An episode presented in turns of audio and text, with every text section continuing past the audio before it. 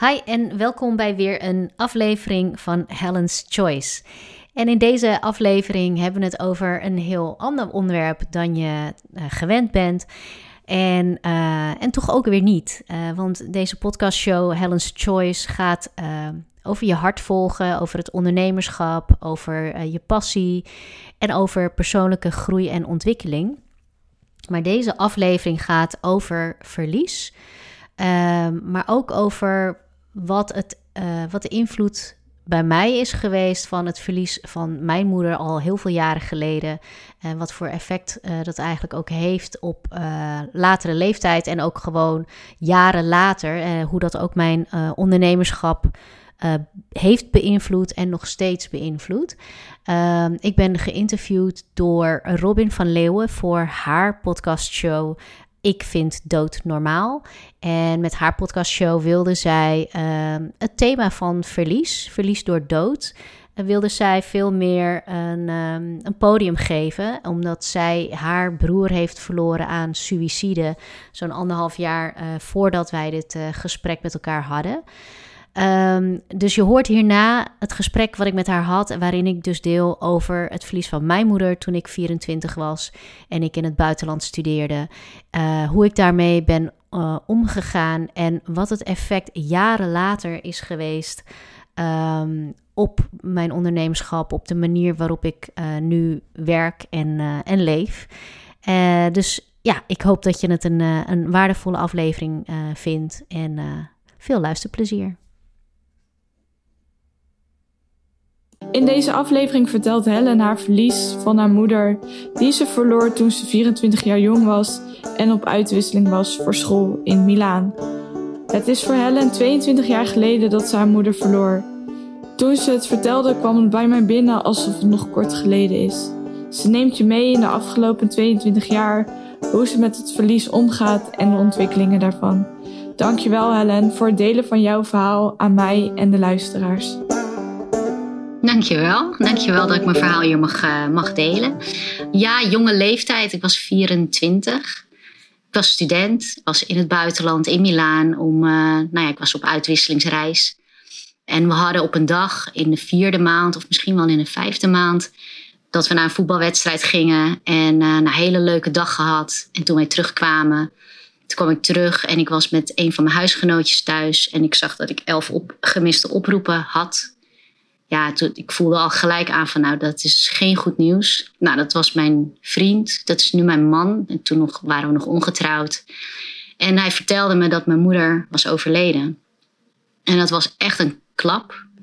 Hij had haar gevonden. Mijn moeder was heel erg alleen. Wij, ja, ik was eigenlijk de enige die ze, die ze had.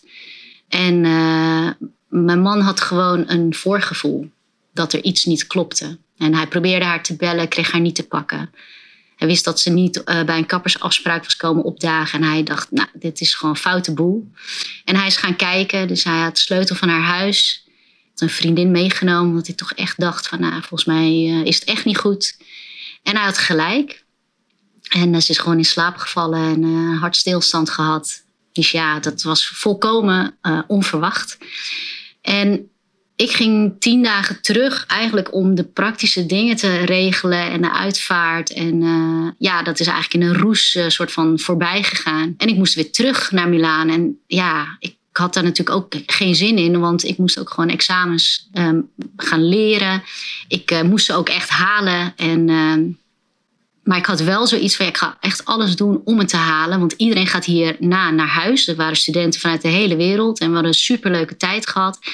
En ik dacht, ja, weet je, zo midden in de rouw wil ik niet dat ik nog vier weken in mijn eentje in dit huis ook achterblijf. En uh, ja, dit eigenlijk in mijn eentje moet, uh, moet doormaken. Dus ik heb het gelukkig gehaald. Ben toen naar huis gegaan en toen brak er eigenlijk een periode aan van rouw en afstuderen tegelijk. Ja, ik heb dat toch wel heel goed tussen die twee kunnen schakelen. En het heeft me eigenlijk wel echt wel verbaasd hoor, dat ik dat uh, zo kon doen. Ik was me daar toen al heel erg bewust van overdag uh, de hele dag gewoon werken uh, op kantoor. Niemand uh, wist daar dat, dat mijn moeder net was overleden. En ja, thuis, weet je, in mijn bed, dan, dan huilde ik. Of daar was gewoon ruimte voor wat er ook, wat er ook nodig was. En ja, weet je, zo heb ik dat een hele tijd gedaan. eigenlijk heb ik daarna nou, jaren gehad dat ik gewoon doorging met mijn leven. En ik heb nou, afgestudeerd en werk gedaan. En nu ik onderneem en de laatste jaren veel met persoonlijke ontwikkeling bezig ben, merk ik pas dat er veel meer, ja, dat er veel meer connectie is met, met mijn moeder en, en hoe ik ben opgegroeid met haar. En um, ja, eigenlijk alles wat, ja, waar ik eerder eigenlijk nooit bij stilstond, daar ging ik nu wel bij stilstaan. En al die jaren daarvoor ben ik eigenlijk vooral gewoon doorgegaan. En uh, had ik natuurlijk wel mijn momenten van verdriet die me af en toe wel eens overvielen. Ja, maar eigenlijk ben ik daar nu veel meer mee bezig. En dat doet me ook goed. Dat, uh, ik heb ook het idee dat ik daardoor ook veel ja, meer rust daarin heb. En toen zij net overleed, toen was ik eigenlijk ook wel heel erg bang dat ik haar zou vergeten. En ik vond daarom ook wel goed om mijn verhaal te delen, omdat ik 22 jaar verder ben. En misschien ook andere mensen voor wie het veel verser in het geheugen ligt um, en nog in een rouwperiode zitten. Ja, misschien hebben zij ook die angst, want ik had dat wel. Ik dacht, nee, weet je, ik heb niks van mijn moeder. Ik heb zo weinig, echt een paar foto's. Maar straks weet ik niet eens meer hoe ze eruit ziet, weet je wel. Weet ik dat straks wel ja, gelukkig, weet je, het is eigenlijk heel levendig nog. Het, het, als ik uitspreek dat 22 jaar geleden is, dan, ja, dan lijkt het eigenlijk heel raar. Het, het lijkt net alsof het een paar jaar terug is. Ja. En ja, ik weet gewoon nog heel veel. Heel, en heel goed ook. Ja, ja, ik vind dat echt heel fijn om te horen.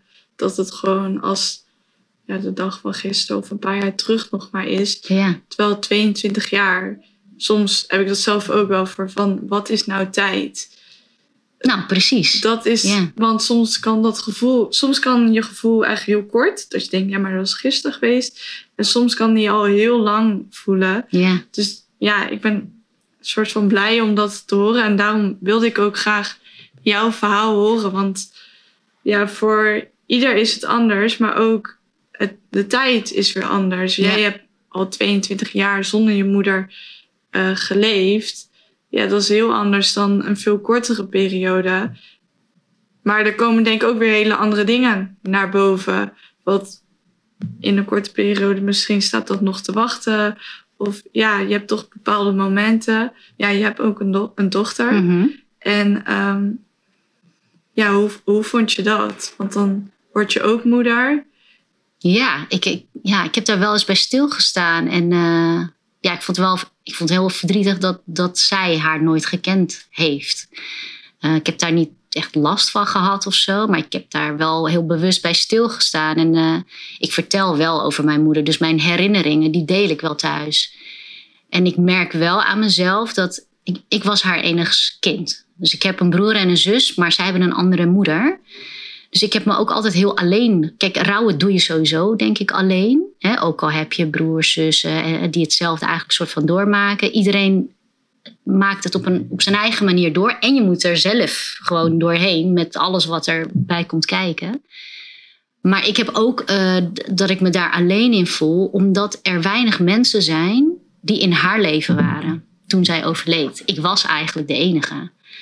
En natuurlijk, hè, mijn vader kende haar heel goed. Maar ja, weet je, die hadden al zo lang geen contact meer. Ze- Ik was vier toen zij gingen scheiden. Ehm, maar waar ik dan zo dankbaar voor ben, is dat mijn man haar wel heeft gekend. En dat ik dus, dat is eigenlijk de enige plek waar ik er wel over kan praten, is gewoon thuis.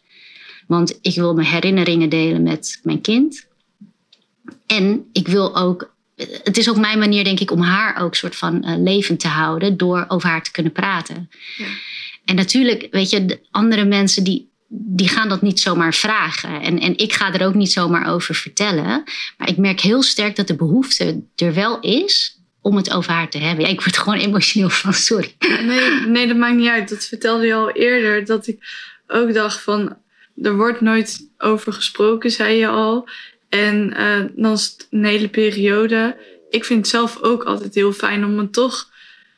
eh, soms merk ik ook het verschil. Als ik het even heb benoemd, dat ik dan iets meer mezelf kan zijn. Of dat het er gewoon uit is. Dus ik snap heel goed dat je je verhaal wil vertellen. En dat je eigenlijk... Ja, ik snap dat wel gewoon heel erg Ja. goed. Ja, dus toen ik jou, jouw oproep ook zag, hè, want je was op zoek naar mensen die hun verhaal wilden delen.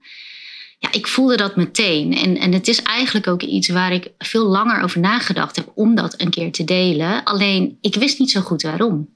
Maar nu eigenlijk wel. nou ik het zo gedeeld heb. maar dat is dus gewoon omdat het mijn manier is om haar leven te houden. Ja. want je denkt natuurlijk niet alleen maar aan iemand, maar je wil ook iets kunnen delen daarin. En, en dat kan ik niet zoveel. Dat kan thuis gelukkig nog wel. Maar ja, en dan ben ik zo blij dat, dat mijn man ook gewoon weet hoe ze was. En dat wij ook wat herinneringen samen met haar delen. Het is niet veel, maar het is toch nog iets, weet je wel. En uh, ja, die foto's die, waar ik toen heel veel waarde aan hechtte. Van, oh, weet je, als ik die maar nooit kwijtraak, want ik heb er niet zoveel van haar. Ja, weet je, ik weet nu dat dat niet, dat dat niet per se nodig is. Omdat ik nu weet hoe helder haar beeld eigenlijk ik voor de geest hou, ook na 22 jaar. Dus dat zal na 40 jaar ook wel zo zijn. Uh, dus daar, hoef ik, uh, daar ben ik dan in ieder geval niet meer bang voor. Ja, dus ik heb eigenlijk heel veel jaren ben ik daar nou, nauwelijks mee bezig geweest. Maar natuurlijk is ze wel vaak in mijn gedachten. Ik denk, ja, ik weet niet. Ik denk wel vaker dan ik zelf had verwacht van tevoren. Maar ik, ik nam ook wel heel veel soort van schuldgevoelens mee. En dat was eigenlijk vanaf het begin al. Dat ik dacht van, oh, weet je, waarom ben ik nou gaan studeren in het buitenland? Weet je wel, ik was de enige die ze had. En het was echt heel moeilijk. Ik voelde me echt heel rottig daarover. Omdat, ja, ik had daarvoor zorgde ik wel voor haar in de zin van ik was er iedere dag. Want ze had ook gewoon geestelijke problemen en ze had niemand. maar dat ging ten koste wel van mezelf, mijn eigen welzijn. Want ik kon me niet meer concentreren op mijn studie. En ik vond het heel zwaar om dat zelf eigenlijk in mijn eentje te moeten doen. En ik was eigenlijk net samen met, uh, met mijn man toen. En toen sprak ik iemand, want toen kwam eigenlijk de, de, dat was de fase van de aanmeldingen voor uitwisseling naar het buitenland voor studenten. En ik wilde, ik wilde heel graag gaan, maar ik wist gewoon niet of ik dat wel kon doen. En ik vond het heel moeilijk, want ja, ik bezocht haar elke dag, want anders zou ze niemand zien. En uh, nou, toen sprak ik iemand en die vrouw die zei ook van ja, maar je mag ook, je moet voor jezelf ook zorgen, weet je wel. Je mag ook doorgaan met je leven. En het betekent niet dat je Weet je dat je alles moet doen ten koste van jezelf? Uh, je kan er voor haar zijn op een andere manier. Dat hoeft niet dat je er elke dag letterlijk daar bent. En ja, weet je, op basis ook daarvan dacht ik van ja, ze heeft ook wel gelijk. En ze had ook gelijk. En ik ging dus op uitwisseling. Uh, en dan toch uh, overlijdt ze dan ook echt in die periode nadat ik dat dus besloten heb. Weet je, dat, ik vond het zo moeilijk te verkroppen. Ja, en, zeker ook als ik echt terugdenk aan hoe alleen ze dan was, weet je. En dat ik er dan niet was, oh, dat vond ik zo vreselijk. Nou ja, dat doet me nu nog wat. Maar ja, ik heb heel lang met die gevoelens eigenlijk gelopen. En nou, op een gegeven moment ook gewoon niet. Heb ik er niet meer aan gedacht. Gewoon weggestopt. Ik ben er heel goed in. Ik kan gewoon mentaal gewoon schakelen. En dan gaan we, gaan we gewoon door. Dus eh, mensen om me heen zullen dat echt niet gemerkt hebben. En uh, ja, het is ook niet dat ik daar iedere dag op een gegeven moment aan dacht of zo. Maar het zijn gewoon gedachten die wel eens opkomen en dan voel je gewoon rot. Nou, vervolgens, weet je, dan ga je gewoon door en uh, ging werken. En, maar op een gegeven moment, uh, in 2017, begon ik voor mezelf. Ik ging mijn hart volgen. Ik wilde heel graag coachen. Een carrière switch gemaakt. En ja, ook gewoon niet wetende wat het ondernemerschap ook met zich meebrengt. En hoeveel ja, persoonlijke groei je eigenlijk een soort van doormaakt. Uh, om, om ook stappen te zetten als ondernemer. En, uh, en eigenlijk door die reis van de afgelopen drie jaar, waarbij ik echt heel veel een soort inner work heb gedaan, ja, vallen er heel veel puzzelstukjes zeg maar, op zijn plek. En, en ben ik ook echt weer opnieuw gaan kijken naar ook de relatie met mijn moeder, naar de schuldgevoelens die ik toch nog weer heb heb weggestopt waarvan ik dacht van nou dat heeft geen effect meer op mij. Maar toch was dat wel zo. Uh, en toch onbewust was ik mezelf een beetje aan het straffen voor het feit dat ik er niet was. En gunde ik het mezelf eigenlijk niet om het heel goed te hebben op, op alle vlakken in mijn leven. En, en dat is heel raar eigenlijk. Als je erover nadenkt, denk je, ja, weet je, hoe, hoe kan dat zonder dat je daar ja, zonder dat je je daar eigenlijk van bewust bent. Ja. En toch komen die dingen dan in één keer bovendrijven. En, en ja, weet je, moet je er ook gewoon voor openstaan om het, om die gevoelens eigenlijk echt te doorvoelen. Want dat is eigenlijk wat je dan niet wil. En wat ik dan een soort van wegstop, is om je niet zo rot te voelen. Maar eigenlijk had ik het nodig om dat nog veel dieper te doen, zodat ik daar doorheen kon en het echt kon verwerken en het echt kon loslaten. En dus dat, dat heb ik inmiddels wel gedaan. En dat was gewoon, uh, ja, spannend, maar ik was er ook gewoon klaar voor om dat te doen en om, om gewoon daar echt in te duiken en ik ben ook gewoon dankbaar daarvoor. Want in mijn hoofd zei ik de hele tijd van nou weet je, je ik hoef mezelf niet te straffen. En uh, ik was jong, was 24. Maar weet je, dat zijn allemaal praatjes van je hoofd. Maar het diep van binnen, geloofde ik dat nog niet. Nee, ja, dus ja, je hoofd zei het wel, maar je gevoel ja. was dus onbewust. Wat natuurlijk misschien voor denk de meesten ook. Het is best lastig om je hoofd met je hart en je buikgevoel. En eigenlijk ook nog verder te connecten. En uh, ja, je weet wel bepaalde gevoelens, maar om ze ook daadwerkelijk te voelen en een ja, soort plekje te kunnen geven van, oh, ik ben nu boos of ik voel me nu schuldig. Als je daar mentaal, ja, nou, ik vind het ook knap wat je zei van toen je toen het gebeurde en dat je gewoon je tentamens ging doen en dat je zo men, dat laat zien dat je mentaal heel sterk bent. Want ik wil zeggen, ik kon dat af en toe echt niet hoor. Zo concentreren, dan ja, twee uurtjes en dan was ik klaar. Yeah. Zeg maar. Dus ik vind dat ja, heel knap en dat laat wel zien. Maar dat is inderdaad wel goed dat je nu dat je meer naar je gevoelens en um, het is een soort van fijn dan met uh, door de ondernemen persoonlijke ontwikkeling dat het er naar boven is gekomen. Ja, want hoe heb ja, je hebt bepaalde oefeningen gedaan, zei je. En kan je daar nog ja, een beetje wat meer over vertellen? Ja. Nou, wat, eh, wat, we eigenlijk, wat ik eigenlijk heb gedaan. Ik heb zelf ook mijn, mijn coach. Toen ik naar Amerika was met eigenlijk uh, voor een evenement. Toen waren we daar twee dagen om echt diep inner work eigenlijk te doen met een hele groep. En dat werd heel goed begeleid. En eigenlijk die, die oefeningen, die, uh, daarmee laat je zien, schrijf je eigenlijk op wat je jezelf herhaaldelijk vertelt. Dus je, eigenlijk je, kritische stem die je steeds maar weer tegenkomt. En voor mij was dat heel, iets heel persoonlijks. En dat had alles te maken met mijn moeder en mijn schuldgevoelens rondom mijn moeders, nou ja, niet, niet haar dood, maar ook daarvoor, zeg maar ik heb zoveel met haar meegemaakt, maar altijd was ik daar alleen in. En ja, ik, ik droeg dat wel als ja, maar ik had het beter moeten doen. En dat, dat, ja, dat heb ik toch altijd wel meegesleept. En dat kwam dus boven bij die oefeningen.